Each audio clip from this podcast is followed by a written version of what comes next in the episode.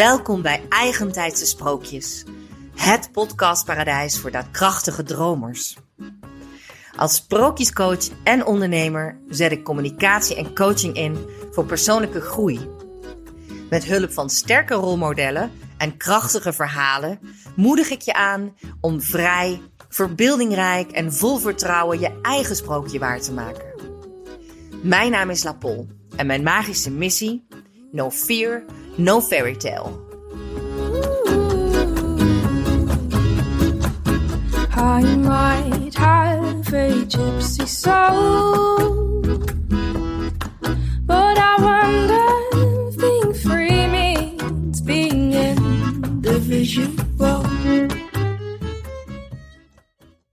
Hallo, welkom uh, luisteraars. Vandaag is bij mij te gast Ines Derksen. En Ines en ik kennen elkaar van het theater. Want Ines is mijn grote voorbeeld um, als het gaat om regie en verhalen vertellen. Um, Ines, jij werkt in het theater um, al heel lang bij het Laagland. Daar ben jij ook artistiek directeur van. En je bent regisseur. En dat is niet waarom ik jou gevraagd heb per se. Je bent gewoon een ontzettend fascinerende vrouw voor mij.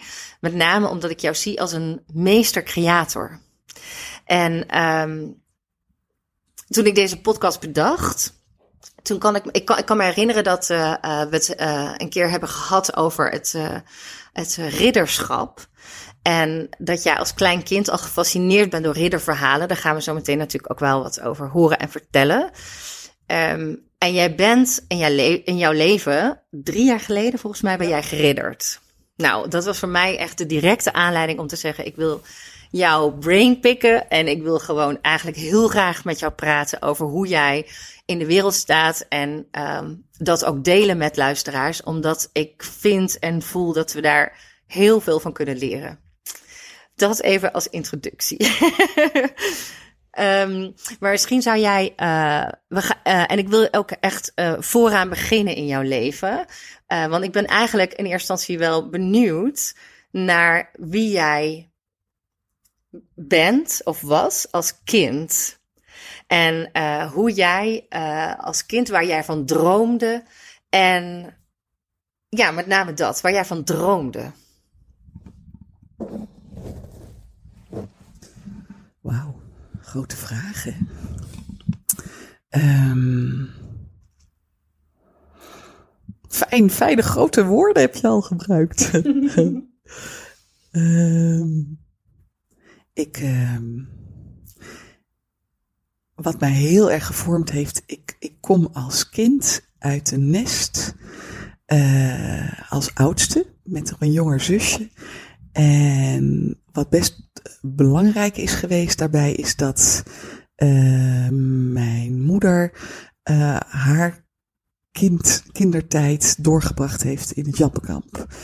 Uh, tijdens de oorlog. En zo jong was daarin dat zij eigenlijk haar blauwdruk nog niet uh, voldoende gevormd was buiten uh, oorlogstijd. Waardoor de beelden die zij als, als, als, als baby en als heel jong meisje in het, in het, ja, in, in, een, in, een, in een interneringskamp heeft meegemaakt. Uh, eigenlijk een soort van meegenomen heeft door haar leven heen. Uh, uh, als een soort onbestemde angsten en, en ja, ja, het moet echt zo zeggen, toch voornamelijk angsten die die zij niet een plek heeft kunnen geven van, oh ja, maar, maar ik ken ook de wereld van um, uh, volle en gevoede, goed gevoede, lachende moeders. In plaats van hè, hele magere, bange uh, vrouwen die moesten buigen en knippen om uh, minst of geringste. Want, hoe, hoe oud was jouw moeder toen ze in dat Jappenkamp grootgebracht is? die heeft er van de eerste tot het derde jaar gezeten. Met ja. haar moeder en haar zussen en, en, nog een broer. Die op een gegeven moment oud genoeg was om naar het mannenkamp te gaan. Uh, dus dat echt. En, en nou, zes familieleden en dan nog een oma erbij. Die daarna met niks terug naar. in dit geval naar Scheveningen. en dat heeft gewoon haar opvoeding, haar jeugd, haar start op heel veel fronten uh, beïnvloed. En dat is uiteindelijk iets wat letterlijk en figuurlijk, het schijnt echt zo volgens de, uh, de, de, de, de psychologie en, en zelfs geloof ik ook de medische wetenschap zou te kunnen zijn, dat als je zo jong was, dat je dan uh, um, letterlijk door uh, in, met, via de navelstreng een aantal dingen gewoon onverwerkt meegeeft ja. aan je kind. In mijn geval, ik als eerste uh, heb daardoor de rol onbewust heel erg op me genomen van uh, mam, jij, jij doet het goed. Je bent een goede moeder. Uh, je, je mag er zijn. Kijk maar hoe goed het met mij gaat. En ik heb in, in als kind, ik ben gewoon uh, heel erg zorgzaam en heel erg gevoelig geweest voor wat er nodig was. Om, om, uh, om de balans. Mijn, vader kwam uit een tuindersfamilie, was niet gewend om zoveel te praten, zeker niet over zijn gevoel. Had als enige gestudeerd, dus was wel een man van de wereld aan het worden. Maar, en een jonge moeder, of mijn, mijn vader was 14 jaar ouder dan mijn moeder. Dus hun start was uh, best um, nou, allebei best mensen die uh, zoekende waren en een aantal dingen gewoon niet zo stevig hadden in hun eigen leven. En samen dan een, uh, ja, een gezin vormen. En ik ben met daar enorme um, bezig geweest met hoe kan ik hier wat spanning wegnemen? Hoe kan ik daar deels, dat, dat ben ik natuurlijk heel klein en is dat heel onbewust. En soms, nou, met het groter worden was ik me daar wel wat meer bewust van. Maar die rol was belangrijk en het heeft mijn beeld over. Ik ben heel erg geliefd, heb ik me altijd gevoeld. En dat, ik ben ook heel, heel welkom en heel warm. Uh, kom uit een warm gezin in, die, in dat opzicht. Alleen wel met de, een soort basiswetenschap. Um, ik word heel erg gewaardeerd en geliefd om wat ik geef, om wat ik breng. Om de, om de, om de, om de verstandigheid waar ik voor zorg en de, de balans die ik breng en het evenwicht. En dus niet om mijzelf in al mijn aspecten. Ja. Ik mocht best, had best boos mogen zijn, maar kwam daar nooit aan toe. Want er was nodig dat er niemand boos werd om de spanningen te, te, uh, hoe te neutraliseren. Dat? Te neutraliseren, ja. ja. ja. Want was jij dan ook een braaf kind? Ik was een ontzettend braaf, verstandig meisje. Een evenwicht. Ik ben ook eigenlijk geen puber geweest. Mijn zusje had het, mijn jongere zusje had het niet zo makkelijk, want die moest dat echt nog helemaal uitvogelen. Waar je vaak hoort dat een oudste al, al, wat, al wat potjes heeft gebroken en, en, en waar het hele item over uh, het, het, het onderhandelen over hoe laat je thuis mag komen en alles. Dat was allemaal niet aan de hand. Dus dat moest mijn zusje zelf uitvogelen. Waardoor die nu ook wel ervaart van, ja, maar jij hebt ook een heleboel andere dingen voor mij gewoon. Uh, je hebt het voor mij mogelijk gemaakt om gewoon puber te zijn. Want jij nam dat andere deel al op je. Dus die heeft een, wij hebben allebei een hele uh, andere beleving en perspectief van onze uh, opvoeding en onze jeugd. Ja. Want dit soort processen, daar word je natuurlijk pas later bewust van. Hè? Als je groter wordt of je wordt, ja, je gaat op een andere manier naar de wereld kijken. Maar um, kan je vanuit daaruit wel zien um, welke keuze je hebt gemaakt? Want jij bent ook vrij snel uh, naar de theaterschool gegaan. Hè? Dat was eigenlijk, was dat ook meteen een, een, keuze voor jou? En waarom heb je daar toen voor gekozen? Was dat een bewuste keuze? En kwam dat altijd te maken ook met het gezin waar je uitkwam? Of Um, ik had uh, voor het, theater lonkte altijd. Dat is grappig. Uh, uh, ik stond als in die zin was ik. Um, ik was eigenlijk altijd op zoek naar manieren om in de fantasie te duiken en de verbeeldingskracht te gebruiken. Um, ik heb daar wel een paar belangrijke dingen uit ontdekt in mijn, later als, als in mijn werk nu als regisseur. Uh, bijvoorbeeld dat ik altijd heel erg uh, behoefte had aan uh, met een vriendin of een vriend een geheim clubje te hebben. Met geheim taal en geheime en missies en, en geheime opdrachten. Alleen was er dan verder, dan gingen we met z'n tweeën door het dorp en in de weilanden of in de, in de bosjes op de loer liggen of, of verstopt wezen. Maar, maar niemand was ons aan het zoeken of niemand was zich bewust. We, hadden die geheimtaal eigenlijk nergens voor nodig, want er was geen vijand of geen. Die, dus, die, dus daar hadden wij hele verhalen bij. Ehm, en ik heb echt het gevoel dat ik als regisseur eh, eh, eigenlijk nu nog steeds de kans heb om met een groep van acteurs. Eh, ben ik stiekem die geheime clubjes nog steeds. En, en, en, het, en het inzoomen op één thema of op met alles wat erbij komt. Dat ben ik eigenlijk nog steeds aan het, eh, aan het uitleven, zeg maar.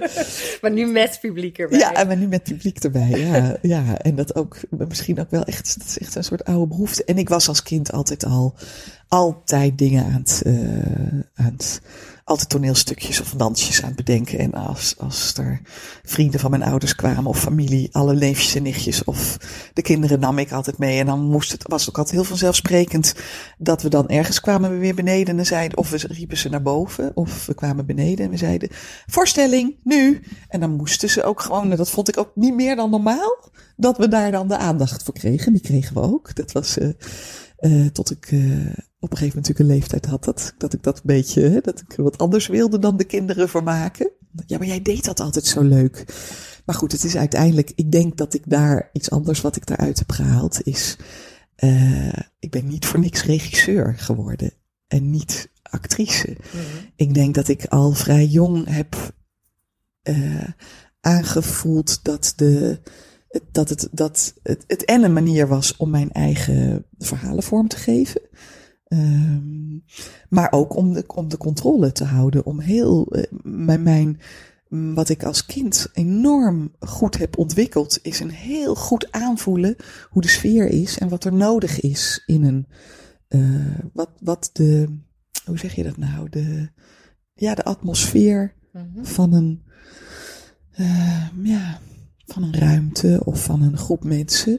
Wat dat vraagt, of hoe ik dat zou kunnen versterken, of zou kunnen eh, ontspannen. Of, en dat is wel iets wat, wat uit, als kind gewoon uit nood geboren was om, het, om me veilig te voelen. Om, om de. Om, ja, om. eh, eh, dus niet letterlijk veilig, hè, want dat kan als een klap kreeg of iets, maar gewoon om, om te denken: oké, het is om, om die sfeer waar ik zelf ook zo gevoelig voor was. Ja, precies. Want va- va- vaak is het natuurlijk dat je ook je eigen spanning eh, op die manier kan verminderen. Ja. Door, want die spanning voel je als kind, die voel je als volwassene ook. En dat is jouw manier of je antwoord eigenlijk om daar zelf ook eh, eh, je beter onder te voelen. Hè, als kind doe je dat waarschijnlijk onbewust, eh, neem ik aan. Ja. Terwijl je toch heel bewust bent van, oeh, je voelt iets. Hè? En als volwassene, als regisseur doe je dat natuurlijk. Ja, je speelt dus nu eigenlijk met met energie. Je speelt met gevoelens, je speelt met sfeer, je speelt met. Ja. Wa- Wat ik wel nog even wil vragen, hè, want je zegt het was ook voor mij een manier om een verhalen te vertellen. Hè? Ehm, leefde er in jou veel verhalen of waren dat bepaalde specifieke verhalen?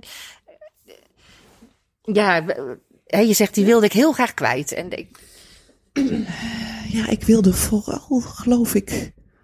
ehm, dat is een goede vraag. Ehm, ik had gek genoeg als tot na mijn puberteit ehm, las ik alles wat los en vast zat. Maar ik, maar ik ging aan op alle realisme. Dus ik las allemaal eh, eh, kinderboeken en al vrij snel volwassen boeken. Die over ehm, helemaal niet. Ik had niks met fantasy. Dat vond, ja, gek hè? ik- ja, ik- Hoe je mij kent, waarschijnlijk. ik, ik, ik, maak echt zo van, huh? Ja, er zit hier echt een groot vraagteken.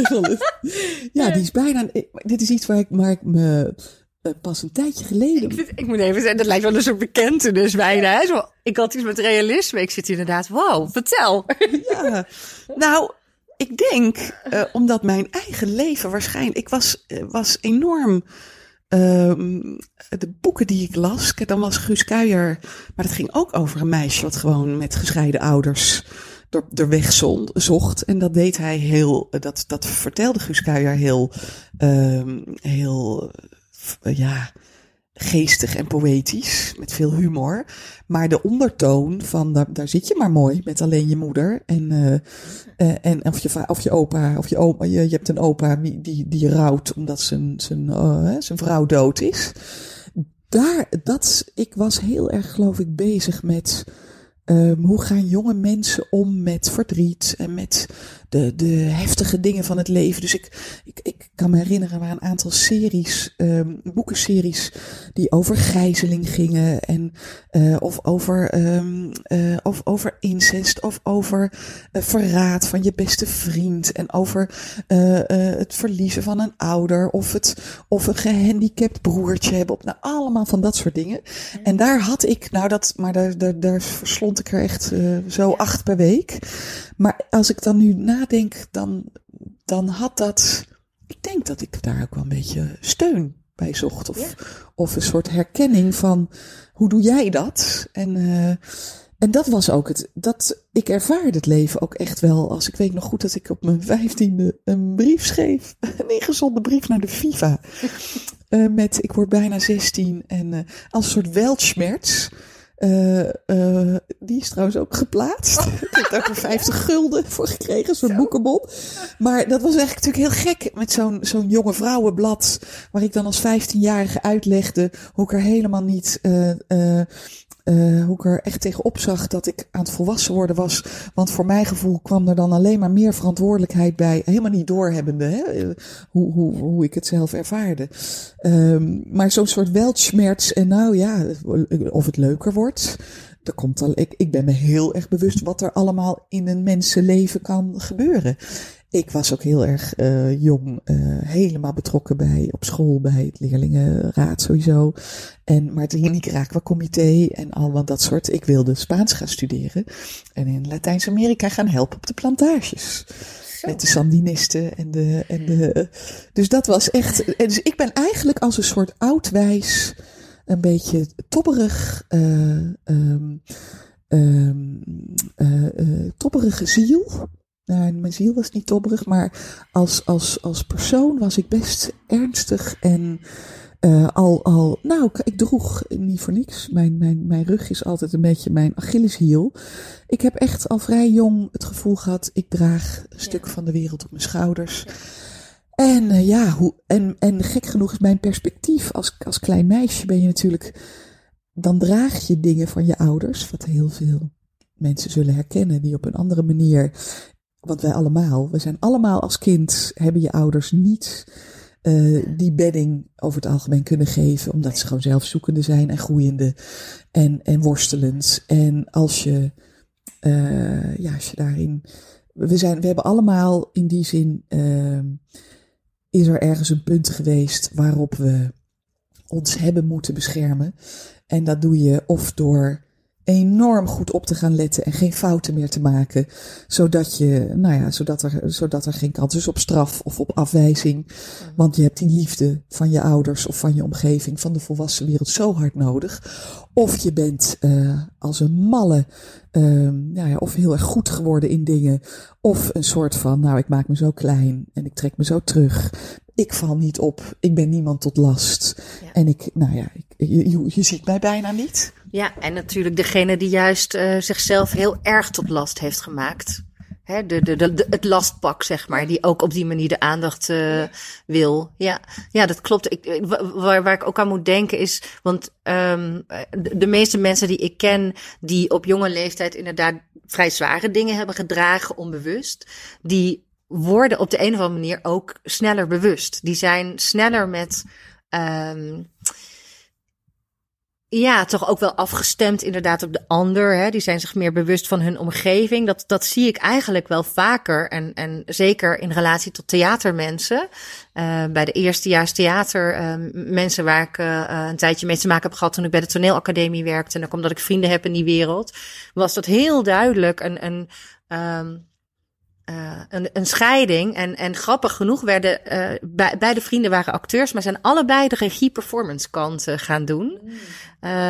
hè, dus dat, wat jij nu vertelt, dat resoneert wel in, in dat opzicht. Dat, dat je onbewust veel draagt. Hè, je, was, je zegt, ik was wat, mijn persoonlijkheid was misschien wat tobberig. En eigenlijk wilde je misschien wel mensen gaan helpen in Zuid-Amerika en, en daar wat leed gaan dragen. Maar het is wel een hele andere vorm geworden uh, hoe jij met eigenlijk in zekere zin ook met het verlichten van leed uh, bezig bent gegaan, aan de slag bent gegaan. En, en, da- en daarin eigenlijk natuurlijk ook om, voor mij was dat de uitlaatklep om, eh, om, om, om want hè, ik zei net, ik, mijn, mijn, mijn, mijn ziel was tobberig, maar dat is natuurlijk niet zo. Of tenminste natuurlijk, maar nee, die is in wezen heel erg speels en, en, en, en, en zoekt, eh, ehm, ja, samen, samen met anderen en dan eh, eh, spelen, spelen en, en, en de, de magie opzoeken van, en, de, en de schoonheid van het leven en dat delen en, en, en dansen en spelen. En, en eigenlijk echt een, een, de energie van de, van de volle vreugde van het bestaan vieren Mhm. Dat en is ook delen. bijna tegenovergesteld, hè? Dat is, dat is heel, ik, ik, ik heb echt het idee dat ik bijna als een soort, een beetje een soort, je, je hebt soms baby's die zo'n eh, zo'n oude, oude mannenkopje hebben. Dat je denkt, oh, dit is Oh ja. een oude ziel. Die zijn dan een soort, ja. van de en, wereld. ja, en, die, en, en ik heb echt het idee, oh, het, het, ik word steeds, het- ik ben eigenlijk met de jaren gaat er, gaat er wat meer van de ballast af. En kom ik wat dichter bij wat echt bij mij past. En wat ook in de loop van het volwassen worden. Het is ook nog wonderlijk hoeveel laagjes daar dan nog weer elk jaar weer eh, af kunnen. Of hoe dat, dat deel wat steeds bewuster wordt, hoeveel daar nog weer verder bewust kan worden. Dat je denkt, nou, nou heb ik het wel ongeveer in het vizier. Maar nee hoor, dan blijken er nog een aantal dingen eh, te zijn. Maar die, ik, Bewustzijn is eeuwig, hè? Bewustzijn is eeuwig. dus het gaat zo leven door. Ja, wat, ik, wat ik nu zeg heeft natuurlijk te maken met die, eh, met die toch ergens, eh, wat ik ook herken, die drang om.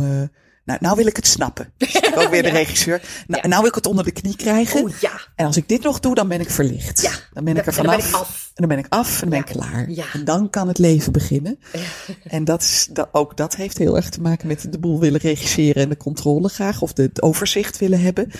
En ik geloof dat ik nu in het, als ik nog probeer nog even te kijken naar waar ik, eh, of ik nou nog even het, het stapje maak van, Ja, want hoe, hoe, hoe kom je uiteindelijk inderdaad van hè, je, je missie of je verlangen om te gaan helpen in, in, in Nicaragua en Spaans te, te studeren?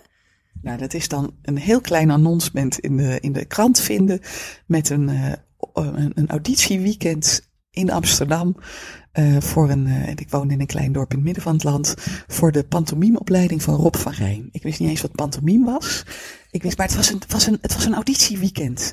En het was zo lekker klein en daarmee behapbaar. Of daarmee had, laagdrempelig dat ik de telefoonnummer heb durven bellen wat erbij stond.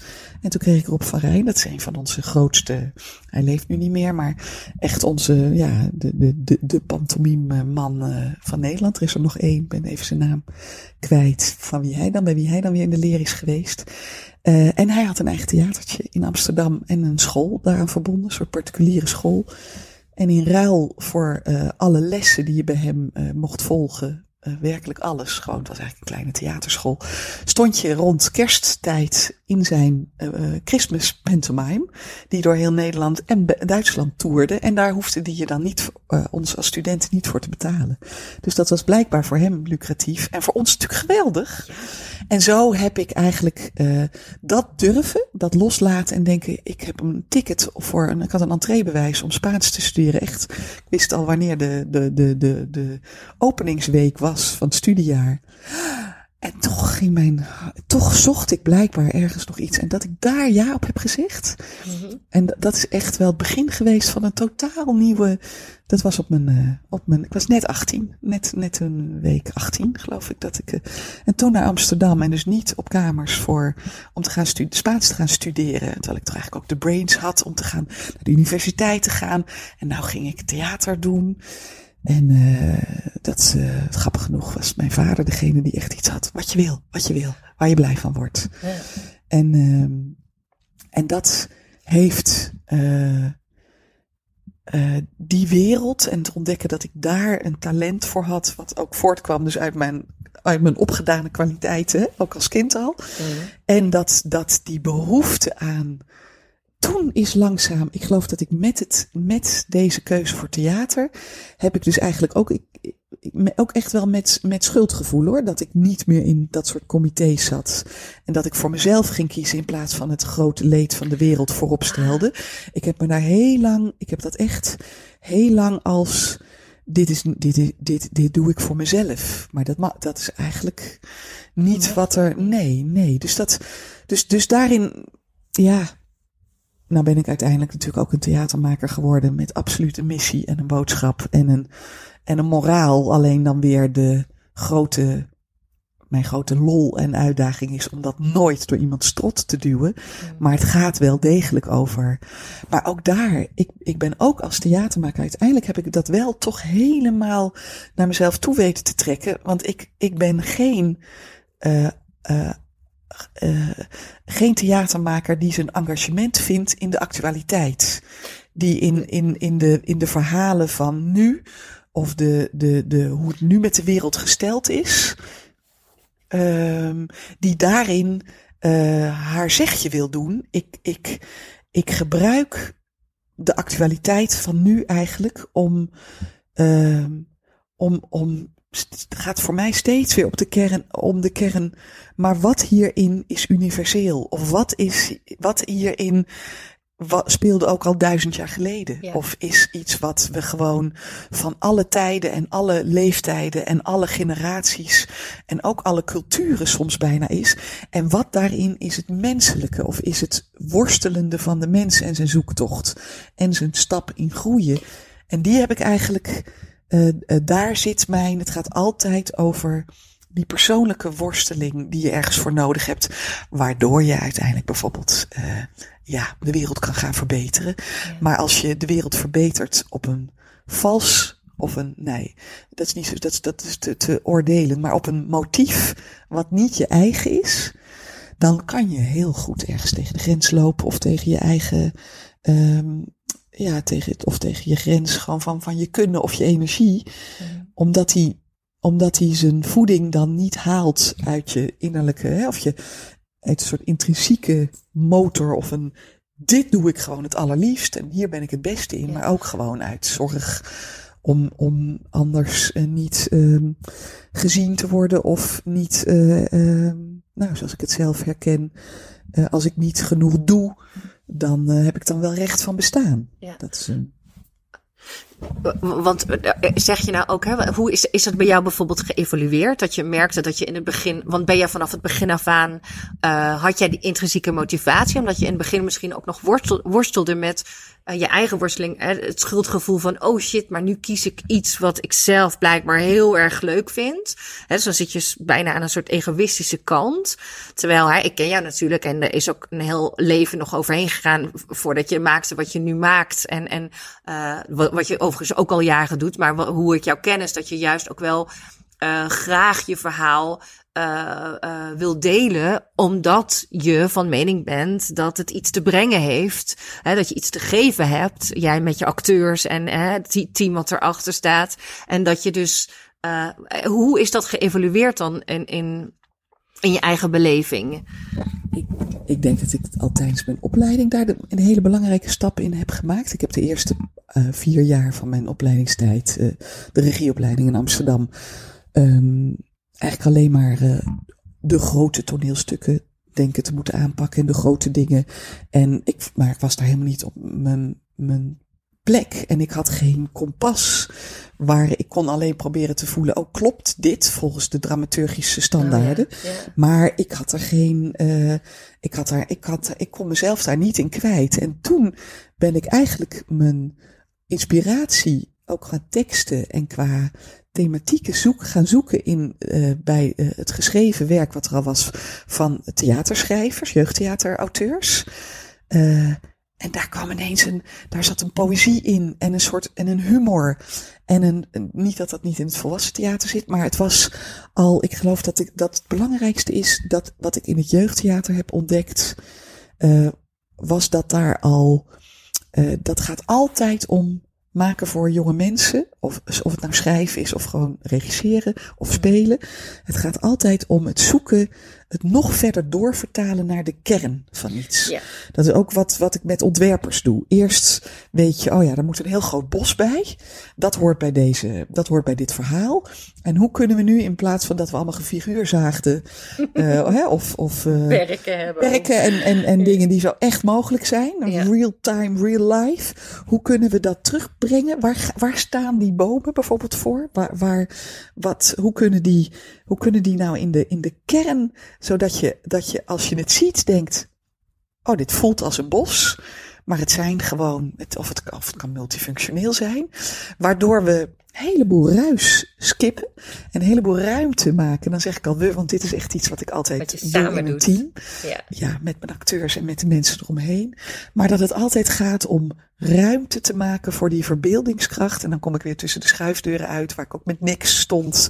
Eh, waardoor je het, het, als je daarnaar luistert of naar kijkt, je eigen invulling en je eigen verhaal bij kan maken. Of je kunt, het- of, het- of het kunt aanvullen. Eh, Waar, waarom? Daar zat lol, daar, daar, daar zat eigenlijk al ruimte om het. ehm eh, om, om het. Om het eh, ja, hoe moet ik het nou zeggen? Daar zat ruimte om. Om het meer naar mij toe te trekken. Of meer naar de. eh, of lichter, letterlijk en figuurlijk lichter te maken van minder. Minder ja, ja. Nee, ja, daar komt niet zo goed uit. Want dat klinkt eigenlijk bijna nog al- als een extra toevoeging. Wat je zegt van, van want in die grote werken vond je jezelf niet. Ehm, dus je bent gaan zoeken in het jeugdtheater. Daar zat een bepaalde humor in, een bepaalde lichtheid. Maar wat je nu vertelt, dat is eigenlijk nog. Is dat ook niet juist jouw essentie dat je. ehm, want ik ben ook wel benieuwd, hè, waarom. wa- Ik, ik heb natuurlijk wel vermoeden waarom je telkens naar die essentie terug wil, waarom dat belangrijk is. Maar is dat niet ook jouw essentie? Dus dat je heel erg op zoek gaat naar, naar die kern. En, eh, en dan is de vraag natuurlijk waarom? Wat, wat, wat, eh, wat zie jij daar als. als eh, ja, waarom is dat? Hè? Wat, wat brengt het? Wat brengt het ons? Wat kan het ons brengen, ook als luisteraar, van om op zoek te gaan naar je eigen kern? Ehm, ja, is dat ook niet jouw specialiteit en jouw. Ja, deel natuurlijk wel. Ik, ik ervaar een beetje het, het, het genre van de jeugdtheaterpraktijk. Als de collega's die daarin werken, dat we hier allemaal een beetje in zoeken. Maar misschien is daar ook wel iets wat ons verbindt. Ehm, en wat voor mij dan, wat ik nog zou zeggen, wat mij daarin ehm, misschien wel zichtbaar maakt. Of kenmerkt is. eh oh, dat gaat geloof ik altijd over. Mag je, ik, ik denk, mag je, durf je, mag je jezelf laten zien? Ehm, in al je, eh, in al je onbevangenheid en in al je stralende energie. En eigenlijk in, in, die, in, dat, in dat kinderlijke, ehm, eh, vrije. eh, als je, je, vroeg, je begon mij te vragen van wat, waar, waar droomde je ervan als kind? Gek genoeg is dat best voor mij een moeilijke vraag om te beantwoorden, omdat ik het idee heb dat ik daar helemaal niet zoveel ruimte voor heb gemaakt zelf om daar, of niet zoveel energie voor over had om daar aan toe te komen. Ehm, zonder het heel zwaar te maken hoor, want het was gewoon, ja, ik, ik heb- ik deed gewoon. Ja. Ik leefde gewoon en ik, en ik ben ook opgegroeid, groot gegroeid. Eh, maar, maar de, de, ehm, het, het wie ben jij? En, en wat ik zelf beschreef als dat die doe-stand van mij zo'n zo'n grote was als kind. Eh, en ook dat heb ik echt meegenomen mijn volwassen leven in. Ik moet er wel, moet er wel toe doen. wat ja. ik te vertellen heb, of wat ik doe, of wat ik meebreng, of wat ik zeg. Het, het, het moet zin hebben, want ja, anders, anders zomaar, zomaar, ik zomaar er zijn. En die, daar denk ik dat ik onbewust eh, in mijn makerschap al naar op zoek was. Eh, zou dat ook wat anders kunnen zijn? Zou je daar, zou je in wie je gewoon bent, zou dat voldoende kunnen zijn? Dat is echt iets wat ik zelf pas de afgelopen jaren heb, ehm, heb ontdekt als, of, of me heb verzoend met, of heb durven, durven aannemen en ontvangen. Ik ben helemaal goed zoals ik ben. Hè, met af en toe dan nog, nou, behalve een beetje dit. En, en soms een beetje dat. Maar werkelijk in de, in de kern. Ja. Of in wezen dat ik, dat het, dat het, dat liefde, ehm, dat je daar niet voor aan het werk hoeft. Of dat Hm. dat niet betekent dat je daar, eh, eh, dat, dat- ik, ik denk dat ik in mijn leven ook wel echt te veel heb uitgegeven. Letterlijk te veel heb weggegeven, omdat ik niet beter wist Ja. dan dat dat, da- daar ben ik goed in. En dat heeft zich, eh, daar, daar ben ik ook, eh, daar heb ik het allemaal heel, ehm, ook bijna succesvol op overleefd. ik zie het ook als een beweging die op dit moment eh, bij veel meer mensen gaande is. Een beweging die ik zelf ook wel eens beschrijf als ehm, een beweging van, van het hoofd naar het hart. Omdat het hart in staat is om onvoorwaardelijk van iemand te houden. Ehm, maar dat is echt een oefening. Je had het daar straks ook over lage afpellen. Eh, ik, ik het ook wel eens als eh, de mannelijke en de vrouwelijke energie. Dus dat de vrouwelijke energie voor mij heel erg bij die liefde hoort. Liefde en vrouwen op de een of andere manier zijn die heel erg aan elkaar gekoppeld. Uh, maar ik kan me ook voorstellen dat het voor jou betekent als regisseur dat je ook anders gaat werken. Dus in plaats van vanuit die toestand. Hoe, hoe, hoe merk je dat? Nou, bij de, bij de, bij de regiekant, of bij de, de, de, de regisseurskant, en de, de, dan even niet op de vloer, maar in, in mijn leven. Controle. De, hoort heel erg de controle. En daar hoort ook bij dat ik dus, dat je, ja, dat ik in wezen niet vertrouwde op dat het leven het beste met mij voor heeft als ik gewoon maar mee dobber en er ben. Dat ik toch het idee had, ik moet daar, ik, ik mag er zijn, maar door mijn steentje bij te dragen, door, door, door het proactief te zijn, hè, al die dingen die, die nuttig zijn in het leven, maar die kunnen ook zo, hebben ook zo een valkuilkant. Dus ik stond in die zin ontzettend uh, in de doestand. En, en wat, ik, wat er nu bij hoort, en ook door schade en schande, gewoon door um, zo over mijn grenzen van dat doen te zijn gegaan, een paar keer in mijn leven, waardoor ik gewoon echt letterlijk en figuurlijk, uh, ja. Gevloerd. Gevloerd, ja. Op de vloer gevloerd. Ja, ja. Ja. En opgebrand of, ge, of gewoon nou, me, mezelf uh, en, en, gewoon, en, en laat staan de wereld, maar ook zelf mezelf niet meer kunnen dragen.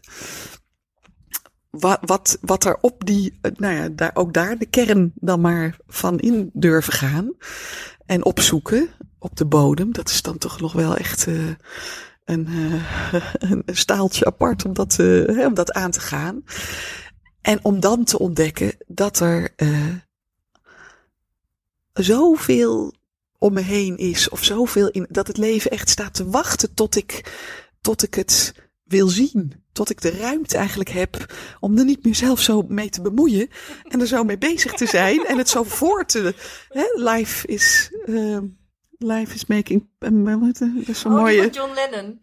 Toch? Life is happening while you're making other plans. Ja, while you're busy making other Ja. plans. Nou ja, dat, dat, is, dat, dat Ja. is echt, vind ik echt zo'n mooie Maar uh, het is, waarheid.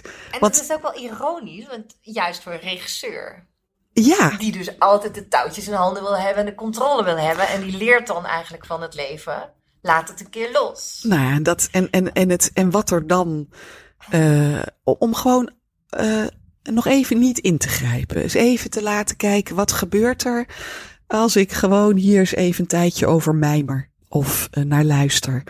Of dit op me in laat werken. Of maar een beetje dobber en een beetje sudder. En een beetje, afgelopen jaar heb ik echt een jaar genomen om uh, letterlijk even wat, wat te gedijen. G gewoon gedijen in, in het zijn, in het leven. Daar, daar, daar hoorde dan wel een hernia bij, voor ik dat kon. Uh, maar, dat, zijn, dat is de. Ja.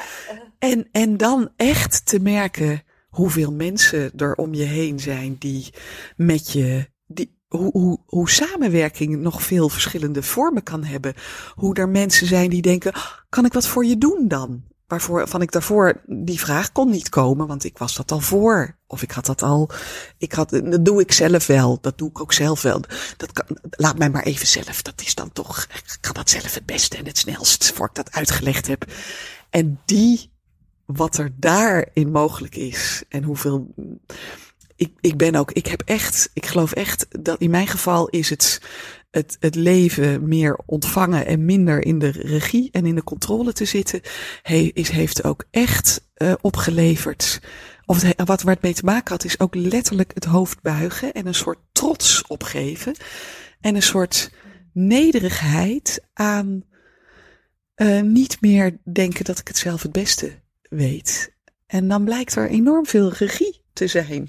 Gewoon vanuit, ik weet niet eens of ik dat een, of je het een god hoeft te noemen, of dat het, of dat het het universum is, of de liefde.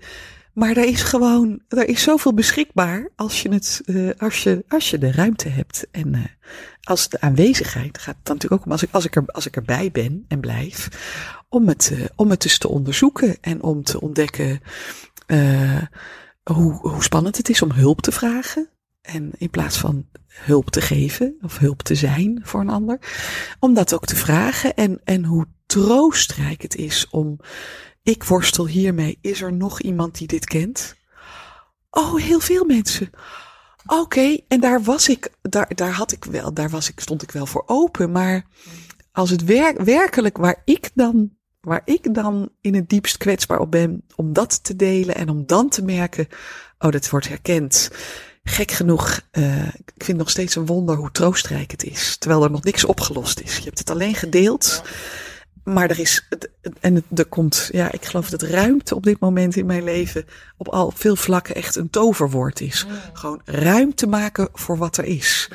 Niet eens om het beter te maken of te veranderen, maar om het te laten bestaan en om het te laten, om het, om te laten zijn wat er is. In al zijn worstelingen en zijn gedoeigheid en mijn imperfectie en de, het gemodder. En toch is dat, daar hoort gelijk ook lucht bij en adem om. Oké, als ik heel eerlijk ben, is dit het. En nog niet meer veel meer. En dan, en dan dat iemand zegt, ik heb een idee, wil je het horen? Oh, nou, graag. Ik vind het nog een beetje moeilijk om het aan te nemen. Dat ik zelf nog niet klaar paraat heb. Maar graag. En dan daar weer en te denken. Oh, wat fijn. Oh, maar dan kunnen we misschien. Oh, dan heb ik ook nog een. En de, de bron van mijn werken nu op dit moment. En ook van mijn regisseren. Komt is, uh, komt uit een andere dan uit wat ik gewend ben, mijn reservevat. Oké, okay, nog even pompen, even door, tanden op elkaar, op karakter. En nu kom, komen de, ook de, de ideeën en de inspiratie Um, en de hulp of de, het meedenken komt werkelijk uit een, uh, een basisvertrouwen in, uh, in ieder geval het niet weten de ruimte durven geven. ik zit hier echt te smellen, want ik, nou ja, het is ook zo herkenbaar. Wij zijn, onze wegen zijn natuurlijk al drie jaar. Ik heb uh, voor het Laagland gewerkt, luisteraars. Uh, best wel een hele tijd, vijf jaar heb ik daar. En het was gloedvol. echt gloedvol, zegt ze. Het was ook absoluut echt mijn, mijn favoriete plek ooit waar ik heb gewerkt als, als ondernemer, als freelancer. Jullie waren echt uh, en zijn op een bepaald niveau echt familie van mij, zielenfamilie. En we hebben het ook altijd gehad over de la, de, het woord de lagelander bestaat gewoon. het, is, het is een aparte wereld, echt een universum op zich. En onze wegen zijn nu drie jaar gescheiden. Ik weet trouwens, mijn weg, deze weg die ik nu bewandel, is begonnen mede dankzij een vraag. Vragen zijn ontzettend belangrijk. De goede vragen stellen hè, om je leven richting te geven. Um, en tegelijkertijd richting te geven, ook door de antwoorden te durven ontvangen. Dus het is voor mij ook steeds meer een dans tussen het doen en het zijn. Want ik herken dit proces gewoon 100%. En jouw vraag destijds, daar heb je me bij begeleid. Je begon toen net aan een opleiding, de Pulsar-opleiding. En ik, de vraag die we toen samen geformuleerd hebben was: hoe kan ik mijn hart meer voor mijzelf inzetten?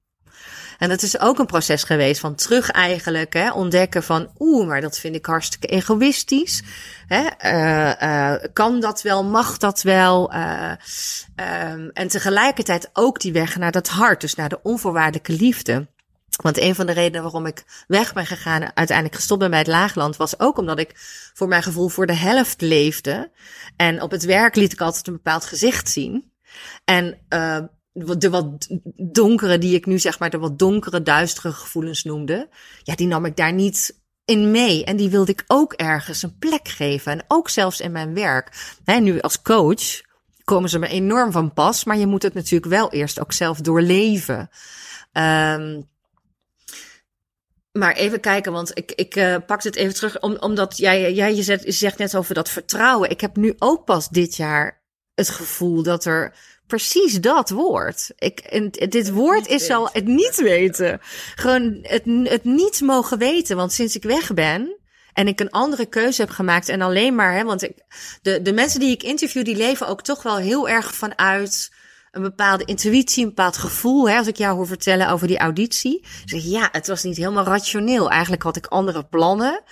Um, en toch ben ik dat gaan doen. En zo is mijn leven op een heel ander spoor gekomen. Dat herken ik ook. Hè. Dat heb ik ook bij, bij uh, Lotte Walder bijvoorbeeld, die in de podcast zit. Heeft dat ook. Die, die volgt dat gevoel heel sterk, die intuïtie. En um, door weg te gaan, kwam ik eigenlijk in een soort nieuwe wereld die ik inderdaad nog niet kende. En ik moest eigenlijk ook meteen van mezelf weten, ja, maar Nicole, luister, je bent nu al vier, eh, eh, wat was het, twaalf jaar ondernemer, elf jaar. Ja, je moet ook weten wat je wil. En ik moest meteen uh, een nieuw bedrijf neerzetten. En ik moest meteen van alles. En juist door dat presteren, uh, het werkte niet meer voor mij ik was ook een ontzettende doener. En ik ben nog steeds wel een doener. Maar alleen in die doe-energie zitten, het werkt gewoon niet meer. Ik denk echt dat dit een collectief proces is waar we in zitten. En als je er gevoelig voor bent, als je erin mee durft te gaan. En dan zijn dit ook de inzichten die je eruit haalt. En, en de processen die je meemaakt. Onze, onze maatschappij is natuurlijk ook heel erg een, een, een, een, een ontzettende doe- en prestatie- en resultaatgerichte uh, maatschappij, ook deze tijdgeest. Dus het is als je er al gevoelig voor bent, hè, of je krijgt het zo mee, dan, dan, nou, dan zijn die tegenhangers van het niet weten en eens even stilvallen, durven vallen, ja. of het risico aangaan en wat je hebt loslaten, terwijl je nog niet weet wat er dan voor in de plaats is. Ja, ja. dat zijn de, de, de, werkelijk de, de meest spannende en grootste uitdagingen. Ja. En het is ook voor mij, uh, dat is misschien wat mij als maker dan weer naar het, naar het waarom ik zo graag maak voor kinderen en volwassenen. Waarom voor mij dat familiepubliek en dat gemengde zo belangrijk is. Omdat vaak op dat soort kruispunten waarop je denkt, ja, ik kom erachter, ik zet maar de helft in en een bepaald gezicht of een bepaalde kant van mij kan ik hier niet kwijt. Of die, die, die, die hongert nu. Ik zou dat willen verbinden. Uh, dat, dat daar ook vaak de, de dingen weer terugkomen die je zo onbevangen of vanzelf deed als kind. Of waar je van droomde. Mm. In mijn geval kan ik die dromen niet zo goed in woorden vatten waar, waar ik dan van droom. Maar wel het, wel het, uh, wel dat hele speelse en dat, uh, enorm gewoon op mijn eigen flow gaan en zitten en daar iedereen bij meenemen. en, en dat dat een soort, uh, uh, daar, daar zoek ik dus nu weer een, een, een, nieuw soort ruimte voor. Maar dat is ook wat ik steeds in mijn werk, waar ik eigenlijk de volwassenen naar wil toe terug uitnodigen. En de kinderen um, in, zou, ja, in probeer te bemoedigen of te, te, te bevestigen in uh, dit, dit ga je een keer in de ijskast moeten zetten in je komende jaren. Want het, het, dat hoort er op een of andere manier. Ik vond het vroeger heel pijnlijk dat dat echt nodig was. En nu denk ik, ja, het is ook echt de weg. Uh, de weg uit het paradijs is om hem daarna te, te, kunnen, uh, te kunnen op waarde kunnen schatten. Zoals de werkelijk, wat is dan je eigen bron? Als je er zo dichtbij zit, weet je niet uh, eigenlijk uh, wat, wat het waard is. Het leven op een of andere manier heeft het, is het zo ingericht dat, dat daar, daar moet een zin bij horen. en, en, de, de, ja, eh, dat, het, dat we ervan weggaan en om, om ons eigen pad terug te vinden naar wat is dan werkelijk, waar word je door gevoed en waar kan je je aan laven en wat hoort bij jou. Maar dat dat iets is wat met die eerste jaren te maken heeft. En met, het, met dat, ja, weer het woord onbevangenheid, waar dat nog zo vanzelfsprekend was. Uh, daar, nou ja, daar, daar zou kinderen eigenlijk bijna al van, kunnen kun je een stempel maken van, van wat het van is? Ja. ja. Kun je, nou, kun, kun, kan ik je, kunnen we je door de voorstellingen je bewust maken in een vrij vroeg stadium van wat er bijzonder is aan wat jij, eh, waar je van droomt of wat je, of wat je, wat je zo vanzelfsprekend doet of kan of bent. Waardoor je het later ergens, alsof je weet, als, als, ik er maar, als ik er maar weer op terugkom. Als ik er maar weer ergens een keer een moment. En dan moet je er ook op vertrouwen als dat op je veertigste pas is, of zelfs op je vijftigste. Dat het nog klopt. Dat het dan het goede moment ja, ook ja, is. ja, ja. Dat al die bagage die dan nodig is om de moed te verzamelen, of om niet te weten, of om stil te vallen, of om de moed, ja, om te zeggen: ik gooi het 180 graden of 360 graden om. Dat is geloof ik, dan ben je weer terug, hè? 360 graden ben je weer terug. 180. ja. Maar ik ga het echt, ik gooi het roer om.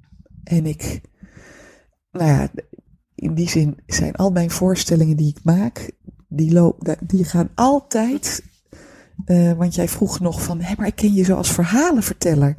En ik heb dus eigenlijk pas die, het, de, de, het, het, de, de, de, de magie van de grote verhalen, of de klassieke verhalen, of de, de, de jeugdliteratuur die, die leeftijdsloos is, zoals Ronja de Roversdochter, of het oneindige verhaal, of eh, de Koning Arthur zagen. eh, helden vaak natuurlijk ook bij mij en, eh, nemen een rol in.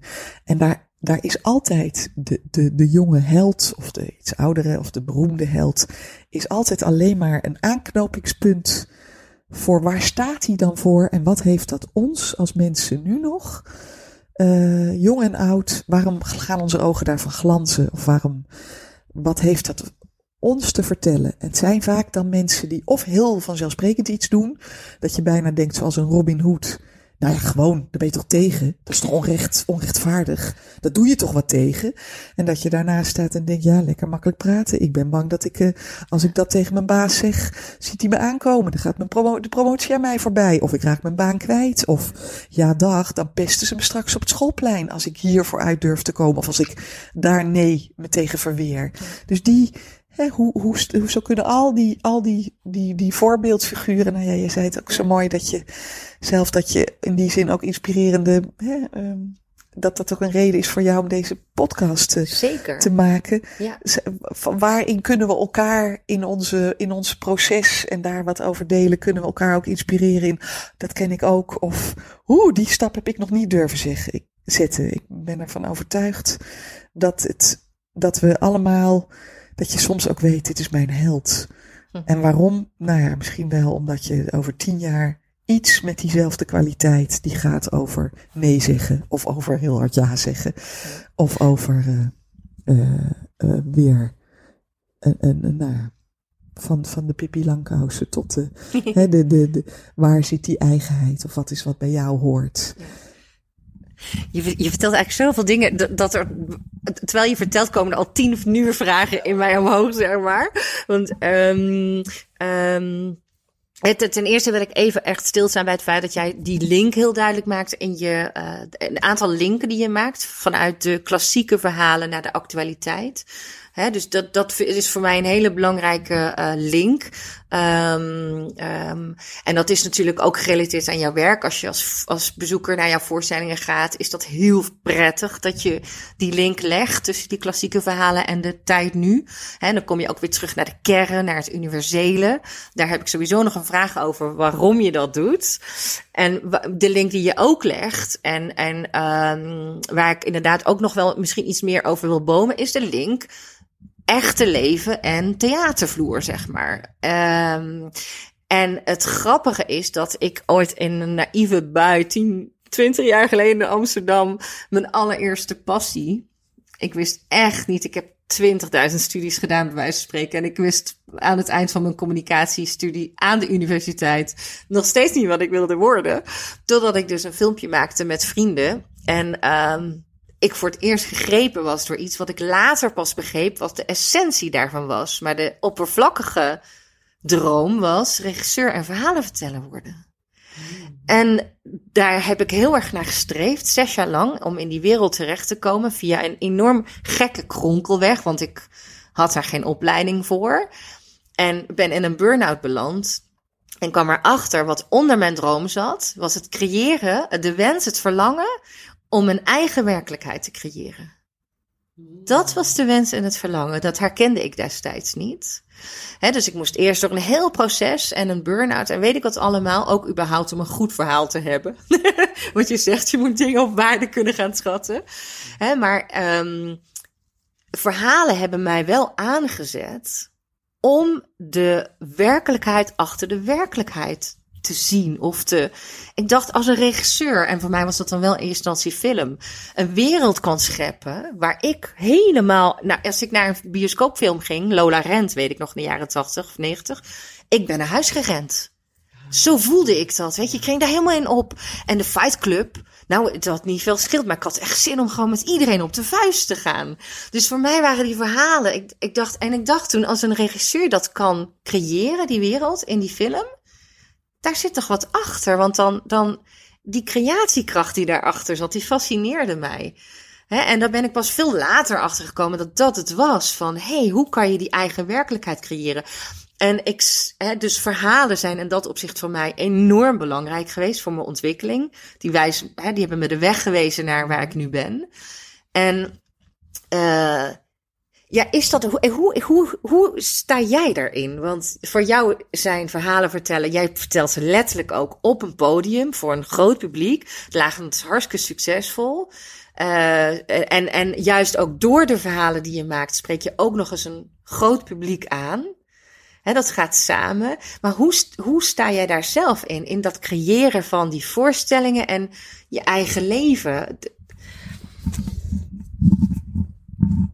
Wat mij opvalt is dat er, je vraagt dit nu op een punt in mijn leven dat hier uh, heel veel in, in beweging is. Waar ik je vertelde dat, dat ik als, als, als kind en puber dus eigenlijk heel erg in de wereld van de, de echte verhalen en de het realisme uh, zat. En echt mijn neus ophaalde voor, voor alles wat met sprookjes en fantasy te maken had. Omdat ik gewoon echt van ja, daar, daar, ja, daar red je het niet mee in het dagelijks leven. Dat is niet. Uh, en dat dat in de loop van mijn. Echt pas als. Ik denk dat ik pas op mijn 18 of 19e ben ik. Uh, die hele andere wereld gaan lezen. Dus de. de, de, de de kruistocht in Spijkerbroek, de, de, de, de Geef me de ruimte van de Thea Beckman uh, wereld. Daarna de uh, uh, Pippi Lankhuis was natuurlijk al wel een, een belangrijk gegeven. of dat is, hè, dat is dan wel een, een, een gek wereldsfiguur. Maar ja, daar, daar sprak me ook weer aan. Hoe doet zij dat tussen de gewone mensen, zonder vader en zonder moeder? nou, dat is niet mis. En is ze wel echt zo blij met haar leven? Of is die niet heel eenzaam? Ik had daar ook hele andere vragen andere bij. Vragen bij. Ja. Maar, maar mijn behoefte is eigenlijk in een vrij laat stadium gekomen om. Uh, en, dan ging het me heel erg om de. Om. om goh, wat, ik, heb echt, ik heb echt het gevoel dat ik echt ben gaan inhalen toen. Um, uh, voor mij, ja, dat, het volgen van, van een. Het, het ging ook altijd wel waar mijn grootste wens lag. Want ik ben nu echt, ik vind alle, alles wat met kweesten te maken heeft. Alle, alle um, coming out of age verhalen. Of, of verhalen waarin um, uh, de letterlijk en figuurlijk de draken onderweg. Of de, of de, de monsters. Of de. Um, dat kan ook, ja. Wat voor manier kan dat nog meer zijn? Maar de, uh, waar er echt een reis gemaakt wordt op weg naar dat ene, wat dan vaak ook, eh, hè, dat, een, dat een hoofdpersonage vrij overmoedig denkt, oh, dat gaan we dan toch Ja. even doen. En dan eh, daarna eh eh, sadder but wiser eruit komt dat het om heel iets anders ging. Of iets heel, en daar daar zijn, vind ik juist, eh, nu de, de, de, de, eh, de fictie en de sprookjes, de, de, de metaforen die erachter zitten, de, de rijkdom daarvan, de, de diepere lagen, waar je steeds weer bijna nog een ander, eh, ander, eh, andere invalshoek kan bekijken. Die, die spreken mij nu veel meer aan dan vroeger. Terwijl daar dan nu in mijn leven, dus ik heb dat ook, ik, ik kon ook heel vaak een mooi verhaal vinden, wat dus al geschreven was, waarvan ik dacht, "Ah, dit, dit wil ik, hier wil ik mijn interpretatie, of wat dit mij als lezer bracht, dat ga ik. Want ik was ook echt zo'n zo'n missionaris. Iemand die zei, heb je dat al gelezen? Oh, moet je lezen. Zo'n mooi verhaal. Zo'n mooi boek. Maar ja, niet iedereen houdt evenveel van deze. Dus daar kon ik echt mijn vak eh, eh, ook in kwijt van. Wat nou als ik er een voorstelling van maak? Kan ik en nog eens even mijn interpretatie, wat ik zo mooi vond aan het verhaal, kan ik eruit lichten. En ik kan hem het op een podium zetten om 100, 200, 300 of zelfs meer eh, mensen in één keer van dit verhaal op de hoogte te brengen. Hè, om zich Ja. erin te laten delen. Heel lang is het ook geweest dat ik op die manier eh, eh, eh, ook echt helemaal aan mijn trekken kwam zelf om zo'n verhaal te vertellen. En dat is nu een beetje aan het veranderen. Ik heb het idee dat ik een aantal van de verhalen die met mij mee zijn gegroeid in mijn leven, dat ik die, die heb ik op het podium gezet. Ik heb een aantal van de helden ook op die manier die mij fascineerden, heb ik ehm, een plek gegeven. Of heb ik aan het woord gelaten, of heb ik eh, belicht van een andere, van, van verschillende kanten. En langzaam is dat niet meer zomaar dat een verhaal wat ik van een ander lees, dat dat mijn lading dekt. Of dat dat vertelt wat ik wil vertellen. En dat heeft er ook mee te maken dat in deze eh, tijd waarin we nu leven en waarin schermen, schermpjes en beeld, beeld gewoon zo belangrijk en zo, eh, zo voor het grijpen ligt, ook voor jonge kinderen al. En waar het niet meer zo is dat je Vroeger had ik wel eens het idee dat er nog echt kinderen waren die gewoon niet zo breed hadden. Dan ging je misschien één keer in het jaar naar de bioscoop. Het theater was helemaal aan. Maar zo'n zo'n verhaal. Eh, en, en soms waren er dan wel mooie films op tv, maar natuurlijk ook heel veel andere dingen. En nu, met name door zoiets als Netflix of al die, al die aanbieders van, al die, al die streamingdiensten ook, waarin je, waarin eh, verhalen eh, in beeld gebracht echt speciaal voor, voor, voor tv of voor de beeldscherm, voor je laptop of je, of je, of je smartphone. Die zijn, daar zijn er zoveel van. Ehm, en dat kan ook zo realistisch en zo goed gedaan. En met zoveel eh, effecten of zoveel. Dat ik. ehm, wat mij opvalt is dat kinderen nu vaak zeggen als ze het heel mooi vonden wat ze bij ons hebben gezien. "Oh, dat vond ik zo'n goede film, die wil ik nog wel een keer zien. Zeg ik, nou, film? Je bedoelt deze theatervoorstelling? Ja, ja, ja, maar dan kennen ze dat woord niet. Maar dan zijn ze dus helemaal meegegaan en ervaren het, ervaren ze het als film. Zo. En dat is aan de ene kant een groot compliment aan ons. Dat het, dat het ons lukt om in een uurtijd zo'n wereld eh, en ze mee op reis te nemen. Maar er is ook iets eh, eh, aan waarvan ik merk. Het is zo'n bijzonder medium aan het worden, dat theater, als plek om elkaar echt live te ontmoeten. Waar je niet even met de zak chips of de, of de popcorn en, en je, eh, en, En je, kom- en, je, en niet even pauze of zeppen Ja. of, of, het, of, of, het, of even de commentaar opleveren. Eh, dat ik eigenlijk dat bijzondere van die plek, van deze ontmoetingsplek, waar we als, als, als, als makers, als kunstenaars, de, als acteurs met, met publiek, jong en oud, eh, volwassen, jong en volwassen, eh, samen kunnen komen eh, voor een uur of voor iets langer.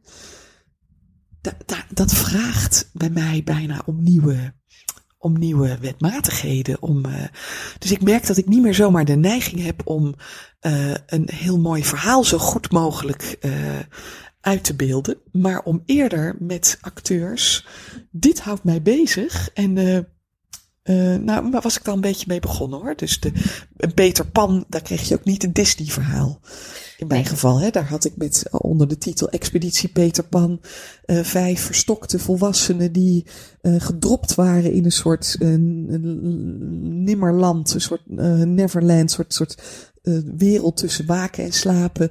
En die gewoon echt zo de connectie met hun kind zijn en met het, het vermogen tot spelen en tot relativeren en tot eh, eh, creatief zijn eh, hadden verloren. En zo in het gewichtige en het zware en het oh, van, van, van wat we allemaal als kind en, en, en zelf of zelf kennen. Of als kind kennen, eh, zo zie je je vader of je moeder of je juf of je meester. Ah, belangrijk, belangrijk. Even niet storen. Dat ik daar iets over wilde, hè, over iets wilde melden. En dus een, eigenlijk een, een eigen verhaal heb gecreëerd. Waar ook heel erg het, het hier en nu van de theatervloer. En dat, ze, dat, dat acteurs de, de, de, het publiek in konden. Of dat het ter plekke ontstond. En dat je daarna denkt, zij, zie ik ze nu? Zie ik ze nu in hun boxershorts? En, hun, en, en, en is dat nu, eh, is dat nu een, een, ehm, een stropdas die als, als eh, piratendoek omgeknoopt is? Hé, maar wacht even. Ik heb ze nog zo op mijn netvlies van vijf minuten geleden. dat ze echt nog woedend stonden te fulmineren. dat, dat, dat, dat het zo niet kon. En dat, ze en dat, dat al die onzin van dat kinderspeelgoed. wat maar oppopte in hun levens moest ophouden. En die, dat, dus daar ben ik al op zoek naar iets anders dan het gewone verhaal. Ehm, nou, met mijn verhaal Joris en de draak is bij mij Joris en de drakentemmers geworden. Wat ging over de draken als stemmen in je hoofd. Als kritische stemmen in je hoofd. De innerlijke kritische en al die andere die, die je tegenhouden. Hè, die vroeger van nut zijn geweest om je als kind te beschermen. Om, deze, om, om je weg te vinden en je staande te houden. En je goed aan te passen. In die wonderlijke en spannende en soms onveilige wereld van de volwassenen. Maar die nu eigenlijk in de weg zitten. Want die je nu tegenhouden. Ook zou dat niet doen. Zou je dat wel doen? Je weet, je weet hoe dat vroeger was. Daar werd je, hè, werd je op, uh, op uitgelachen. Dat is natuurlijk nu niet meer, maar we kunnen dat nog zo geloven. Maar zo ben ik aan het zoeken naar een manier. Hoe kan ik die, de, dat live en het, en het, dat we samen zijn en het delen van hier worstel ik mee. Dit is mijn verhaal ook als acteur. Um, en dat had ik als kind al. Of daar, dat, dat, dus in die zin zijn de, de grote verhalen van A tot Z. En je daar even heel mee meenemen. Daar, daar, daar was ik misschien al, uh, al uh, een tijdje mee bezig om, om, om daar uh, mijn versie, mijn, mijn, mijn interpretatie aan te geven. Of mijn uh, eigenwijze invalshoek. Maar de, die behoefte wordt steeds sterker. Om het, omdat het misschien ook vaak niet meer zomaar verhalen zijn die uh, volgens een logische uh, ver, verloop hebben. Maar waar het soms gewoon moet je heel lang stilstaan bij C. En kom je helemaal niet meer tot Z. En gaat het erom om uh, C van alle kanten te benadrukken, waardoor je daarna de zaal uitgaat en misschien denkt, uh, ik ga aan D beginnen. dat durf ik nu. Of uh, nou, ik ga nog even terug naar B. Volgens mij heb ik daar nog wat uit te zoeken. Ja. Hè, voor, dus dit, dat... Maar in, die, in die zin hoor ik wel de parallel met je eigen ontwikkeling. Dus veel meer vanuit het zijn gaan maken en, en ja, dus dat ook maar op de vloer gaan brengen. Of, zonder dat je weet of het, of het iets gaat doen wat je. Ja, misschien is dat ook niet meer met alle. Ja, precies. Ja. En zit het publiek daarop te wachten en krijg je daardoor daar de. Maar ik denk wel dat het, dat het, uh, het, het, het, het geeft ruimte voor een soort. Uh, voor de wegen die ik zelf nog niet weet.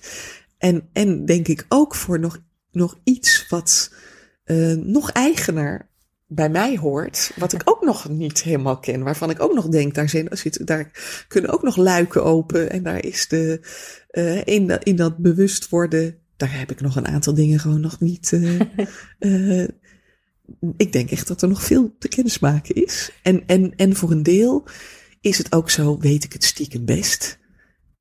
En is het gewoon, heb ik het gewoon nog niet aan bod durven laten komen. En wordt het langzaam, is tijd voor mijn nieuwe voorstelling. Uh, is eigenlijk de, is eigenlijk de uitnodiging.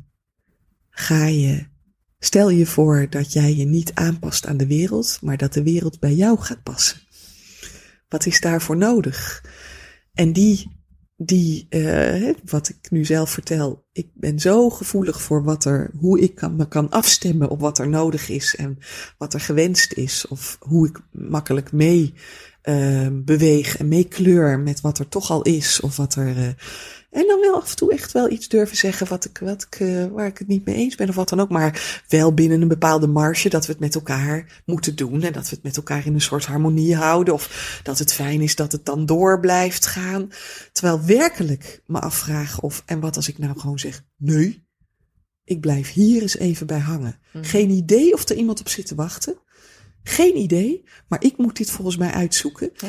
En het kan zijn dat ik daar iets in ontdek wat ik ook weer, wat de moeite waard is om te delen met een groter publiek.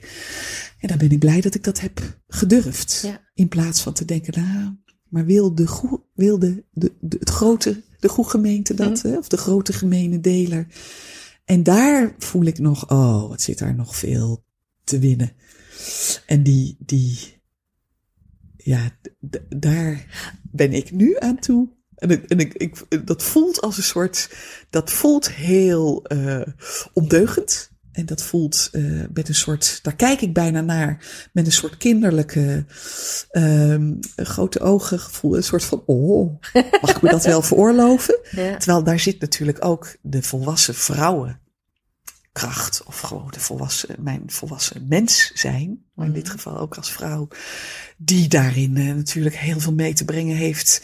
En dat nu, eh, ik hoef niet meer te wachten. Ik hoef niet meer bang te zijn dat ik eh, over omvergelopen word. Of dat ik niet, ge, dat het onveilig is. Het, het is nog steeds wel eng om, maar het is, het is geloof ik, het is geloof ik om bij mijn geliefde citaat te blijven.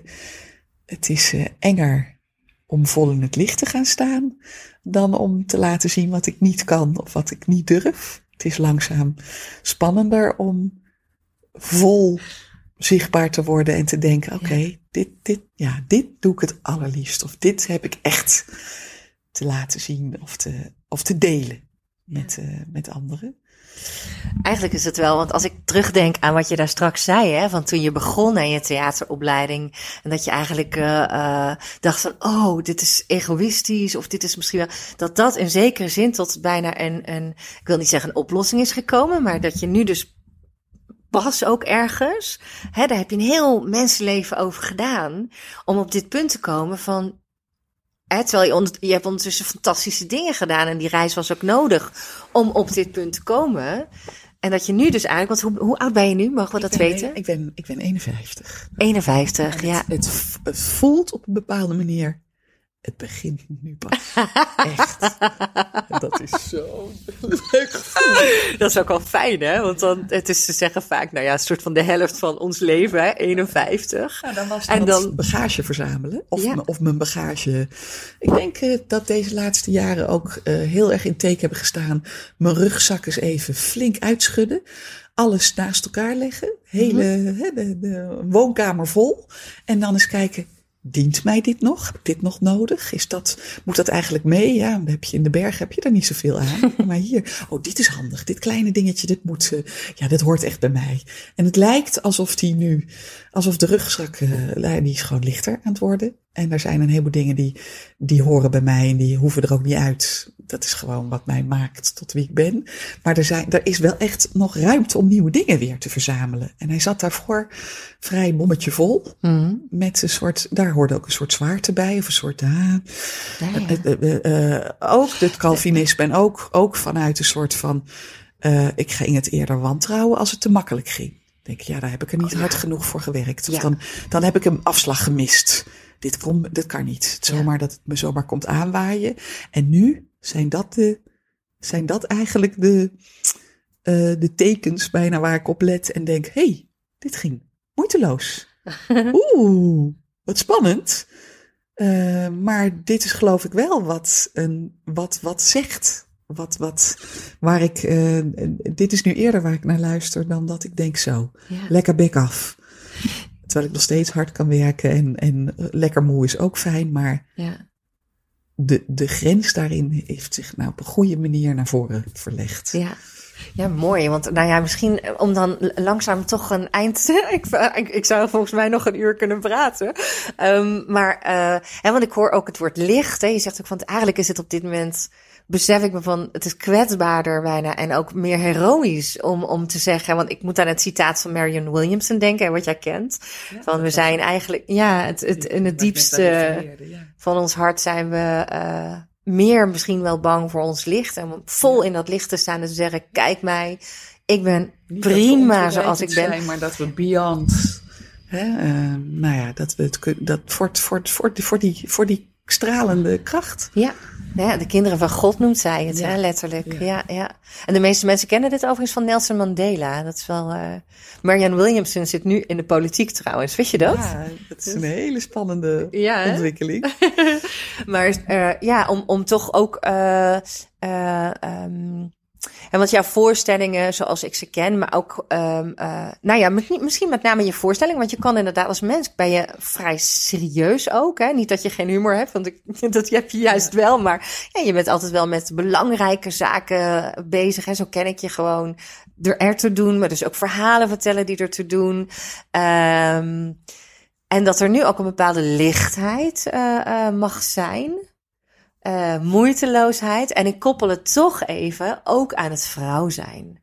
Hè, waar we het in het begin over hadden, eh, voordat dit, eh, deze opname begon.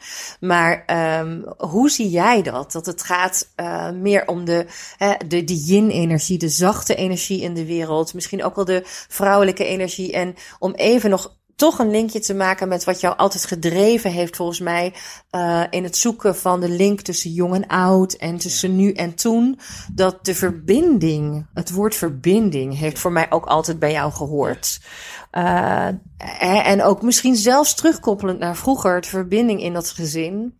Hè, met je ouders, uh, tussen in je ouders zelf, maar ook tussen je ouders, tussen jou en je ouders.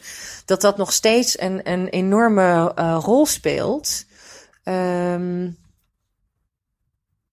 ja, wat wilde ik nou ook weer vragen? Dan ben ik nog helemaal mijn vraag kwijt. Oh.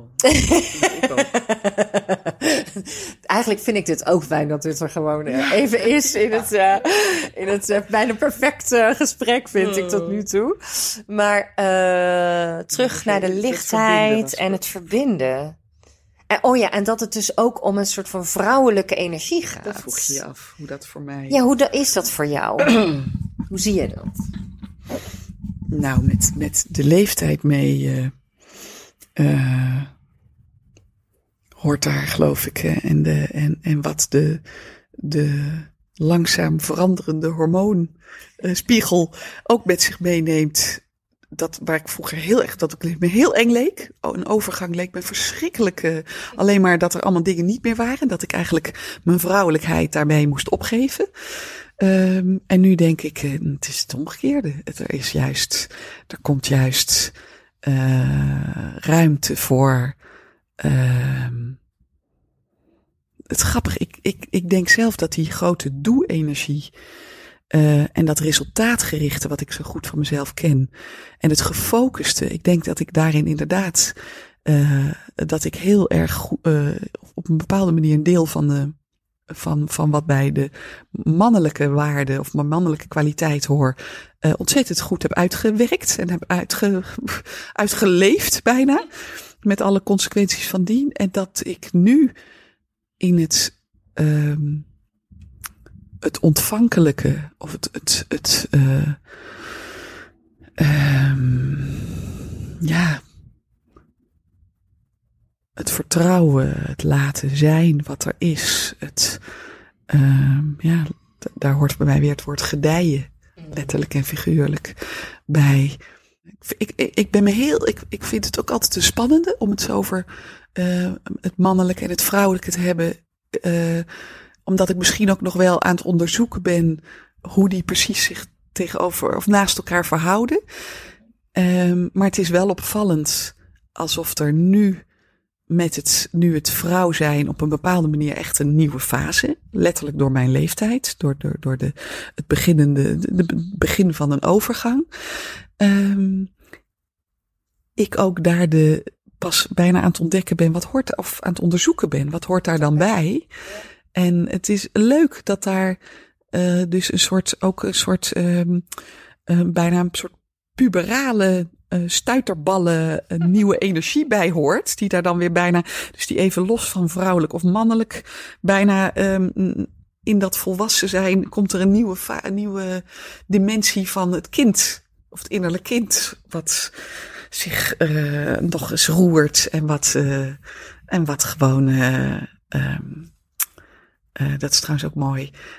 Dat dat, dat waar je je creativiteit kan vinden. Dat is eigenlijk voor, voor, voor kunstenaars, of wil je de kunstenaar in jezelf ontdekken, dan, dan moet je eigenlijk op zoek naar het kind in jezelf. Dat zijn de, en dat vind ik zo mooi dat dat bij elkaar komt. Ik heb ook het idee dat in die zin, waar ik heel lang een goede regisseur was, heb ik ook pas een aantal jaar dat ik durf te zeggen, ik ben kunstenaar.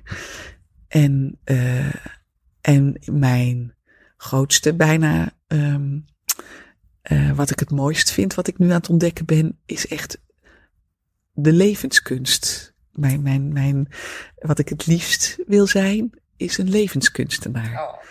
En daar komen ook weer, als je het zegt van, hè, waar, hoe komen dan de, de, de, de magie van het theater, hoe kan ik dat in het gewone leven brengen? En omgekeerd, hoe kan ik het, het aardse of het, het, het gewone of het wat er al is, en waar je op kan vertrouwen van het gewone leven, hoe kan ik dat het theater inbrengen? Ik geloof dat die werelden, die zijn zich, uh, het is heel fijn om die, om daar, om die minder als apart te zien en om die meer te gaan vermengen. Nou, En dan ben ik me bewust van één ding waar je niet helemaal het verhaal over hebt gehoord. En dat is uh, het ridderschap. Ja, die, die, ja. Er inderdaad nog. Ja. Ja. Maar misschien wil je het hier wel bij houden. Nou, het is wel. Ik, ik moet wel zeggen, het, is, het zou wel een top. Het is wel een top afsluiting. Dat sowieso al. Hè? Dat het ook. Het, het voelt heel mooi rond. En toch dacht ik net van, oh, en misschien denkt de luisteraar ook wel van, ja, dat ridderschap, hoe zit het daarmee? Hè? In ieder geval, jij bent letterlijk geridderd. Ja. Dat had je zelf trouwens niet verwacht in Nee, eerste instantie. nee, nee. Dat heeft jouw hele team, eh, ik was daar ook onderdeel van, hebben dat uh, uh, voor jou aangevraagd. En, en uh, Mare, hè, Mare de Groot met name, heeft daar hele grote stenen mensen buiten. ah, ja, bijgedragen. Ja. En je hebt hem ook gekregen omdat jij je gewoon echt al jaren, ja, eigenlijk je hele leven gewijd hebt aan het jeugdtheater. Het vertellen van, van grote verhalen, belangrijke verhalen. Uh, ja, maar ook juist. Wat, wat, wat, wat, daarbij fijn is en het, en het uh, helpen uh, jong talent een plek te geven en dit, die zich te helpen ontwikkelen. En dat, uh, dat, dat is eigenlijk waar ik denk, oh ja, die, die, uh, die geeft wel trots. Maar ja, het is over het algemeen niet iets waar je op je 48ste uh, voor op een podium wordt geroepen om een lintje te krijgen. En dan helemaal, ik vond het, ik wist toch bijna niet wat ik er, ik wist echt niet wat me overkwam. Maar toen het feit dat het niet zomaar een lintje was, maar een ridderorde, dat was voor mij echt, nou, daar, daar, wat ik je net vertel over het, het, het, het bij elkaar brengen van het gewone leven en de magie die ik in het theater kan ervaren, of de kracht van de verbeelding die daar zo'n plek heeft, uh, hoe die samen kunnen vallen. Nou, dat was iets. Ik heb heel graag een, een, een, een aantal keer voorstellingen gemaakt over ridders, over ridderschap, over eer, over het, het, het, het, wat zijn die waarden? Wat zijn nou waarden die je als, als persoonlijk als mens hebt? En wat zijn waarden die je voor een gemeenschap of voor een, een, een, een land of een heel maatschappij uh, kunt, kunt, waar je achter kan staan en waar je, die je wil, uh, waar je voor wil gaan. En hoe verhouden die zich tegenover elkaar? Wat, wat je, dat ook weer iets stiekem uit mijn eigen leven. Ga ik voor het grote geheel en voor, of durf ik voor mijn, mijn eigen geluk te gaan. En mijn eigen, in hoeverre is dat egocentrisch of egoïstisch? Ja. Maar in hoeverre uh, moeten ze zich tot elkaar verhouden en met elkaar in balans zijn? Wil je juist in de grote wereld eh, stappen kunnen zetten die ertoe doen. Precies, want- te branden zelf. Ja, ik denk ook dat het steeds meer om en-en gaat. Ja. Het is, volgens mij heb ik via jou ook eh, eh, de creatiespiraal ook is op mijn pad gekomen van Marinus Knopen. En die ben ik nu weer aan het lezen ook. Twee keer zelfs. Ja? nou, grappig. ja. En die zegt, hè, en, en dat sluit ook weer helemaal aan bij dingen die ik dus zelf ja, bedacht of bedacht. Je krijgt op een gegeven moment gewoon inzichten in zo'n proces. En dat het heel erg om en-en gaat. En dat hij ook zegt van, hè, want hij beschrijft een proces van wens naar werkelijkheid. En jij noemt het net een eh, magie en, en, en realisme, of magie Ja. en, de, en de echte dagelijkse wereld. Dat die eigenlijk bij elkaar horen. Die zijn Absoluut. niet los van elkaar te zien. Het verbaast mij soms ook. En ik snap het wel in de, in de tijd waarin we leven. Maar het verbaast me echt soms dat mensen dat zo uit elkaar hebben gehaald. Hè? En dat er een realiteit is en een droom. En, en uh, Marinus zegt ook van nee, hij gelooft er heel erg in dat wat in ons leeft, dus de wensen, die kunnen we niet kiezen in zeker opzicht, die horen bij ons. Maar de stappen er naartoe, ja. precies je verlangens, hè, die leven gewoon in je. En die leven juist in je, uh, omdat je ook de tools hebt gekregen om ze waar te maken. En het enige wat je eigenlijk moet doen is alles van alles uit de weg ruimen. En dan geloof ik dat dat. Want ik heb, denk zelf, ik vind zelf fascinerend aan dit gesprek dat ik nu eigenlijk dat die vraag van waar droomde ik van als kind, dat ik die zo moeilijk vind te beantwoorden. En ik geloof dat dat ermee te maken heeft dat ik heel lang, en dat, dat is ook iets wat nu pas vrijkomt, om hardop te durven verlangen en voor mijn verlangens of die wensen uit te komen. Ik heb ook heel lang gedacht, uh, daar kan ik beter niet voor uitkomen, want dat maakt me kwetsbaar. Want ze kunnen ook niet ingewilligd worden, of ik kan ook, het kan ook zijn dat ik ze niet kan verwerkelijken. Maar als je ze niet uh, toelaat of ze niet hardop deelt, wie gaat er dan überhaupt je een hand toereiken om te zeggen: Oh, maar dan moet je eens met die gaan praten. Is dat wat je wil? Oh, maar dan ken ik nog wel iemand. Of ik heb hier een mooi boek voor je, wat misschien uh, uh, hierbij past. Al die dingen die het leven dus ook dan voor je in petto heeft. En die als een soort hè, synchroniteit ook uh, op je pad kunnen komen. Ja. Daar, dat alleen maar om mezelf dat te ontzeggen, omdat ik bang ben dat het misschien toch niet gaat lukken. Nou, die da daar, daar is ook echt veel ruimte in gekomen om te denken, nee, noem ze hardop. En daarom ook dat ik naar kinderen toe sta ervoor. Noem ze hardop. Ergens gaan ze in, het, in de loop van je leven, horen ze bij je bagage en, ja. en gaan je ze weer, uh, komen ze hopelijk weer tevoorschijn. Of herinner je ze weer. Ja. Of zie je een voorstelling van het Laagland. Ja, en, en denken we, ah, die moet even afgestoft. En denk je daarna, shit. Shit, nou ga ik er niet meer omheen kunnen. Nee. En ik vind het ook leuk dat jij gewoon de vrouw en de moeder bent en het mens bent dat tegen een kind durft te zeggen: Ja hoor, ridder worden, dat is gewoon dat mogelijk. Kan, dat kan, dat kan. Ja, dat is echt heel fijn. en dat is ook, en voor mij is dat ook, dat ridderschap, dat staat ook wel echt. Als ik iets zou willen zijn, dan is het ridder van een, uh, dan is het uh, een, een, een, een orde van een ridderorde van liefde leiden. ja, oh, wow. En daar, daar, uh, daar heeft, uh, ik geloof echt dat de afgelopen drie jaar hebben juist door zo'n gek iets wat in de buitenwereld dan bestaat en dat, dat je dat kan overkomen. En wat je ook grinnik, wat ik ook een soort als een soort grinnik, nou, dit is een grote grap. En toch zit er een soort kern van in waarvan ik denk, laat ik, laat ik dit gebruiken om nog meer dingen waar te maken. Op het zwaard geheven. En om mijn eigen baan te hè, recht. Met het gewoon met echt met. En dan, en dan het zwaard eigenlijk niet uh, om, te, om te moorden of te. Maar echt om, om te doorklieven wat waar en wat niet waar is. Voor ja. mij. Ja. Hè, wat bij mij past en wat niet bij mij past. En daarin ook te zeggen. Nou, ik, uh, ik durf best nu wat vaker vind ik ook een belangrijke, hoort ook een beetje bij onze leeftijd. Om, uh, ga maar voor. Mm. Als ik nog wacht, als ik wacht tot iedereen, ik eerst me afgestemd op iedereen en iedereen voor heb laten gaan. Ja. En, de, en, de, en, de, en de dingen heb ge, de sfeer zo heb gemaakt, of de atmosfeer, of de, de voorwaarden heb geschapen om iedereen uh, uh, zijn geluk te laten. En dan mag ik ook. Ja, ja kan ik lang wachten. Ja. Dus nu te denken, ik ga gewoon Ik ga, ik ga gewoon voorop. ik heb het zwaard. Ik kan hem, eh, hij is, het is scherp. Ja, En, ik dacht er niet zomaar inderdaad. Ja, niet zomaar. En het is, het- het- daar hoort, maar daar hoort een soort, hoort ook weer een verantwoordelijkheid bij. Maar dit is een leuke. Of dit is er één die, die, die, die, die een paar werelden verbindt waar ik me thuis in voel. Ja. En daarmee eh, is het, eh, nou, is het fijn om daarin ook eh, op mijn beurt te mogen inspireren. Gelukkig maar. Gelukkig maar. Ik gun de wereld veel Ines Derksen. Dankjewel. Fijn, dank jou.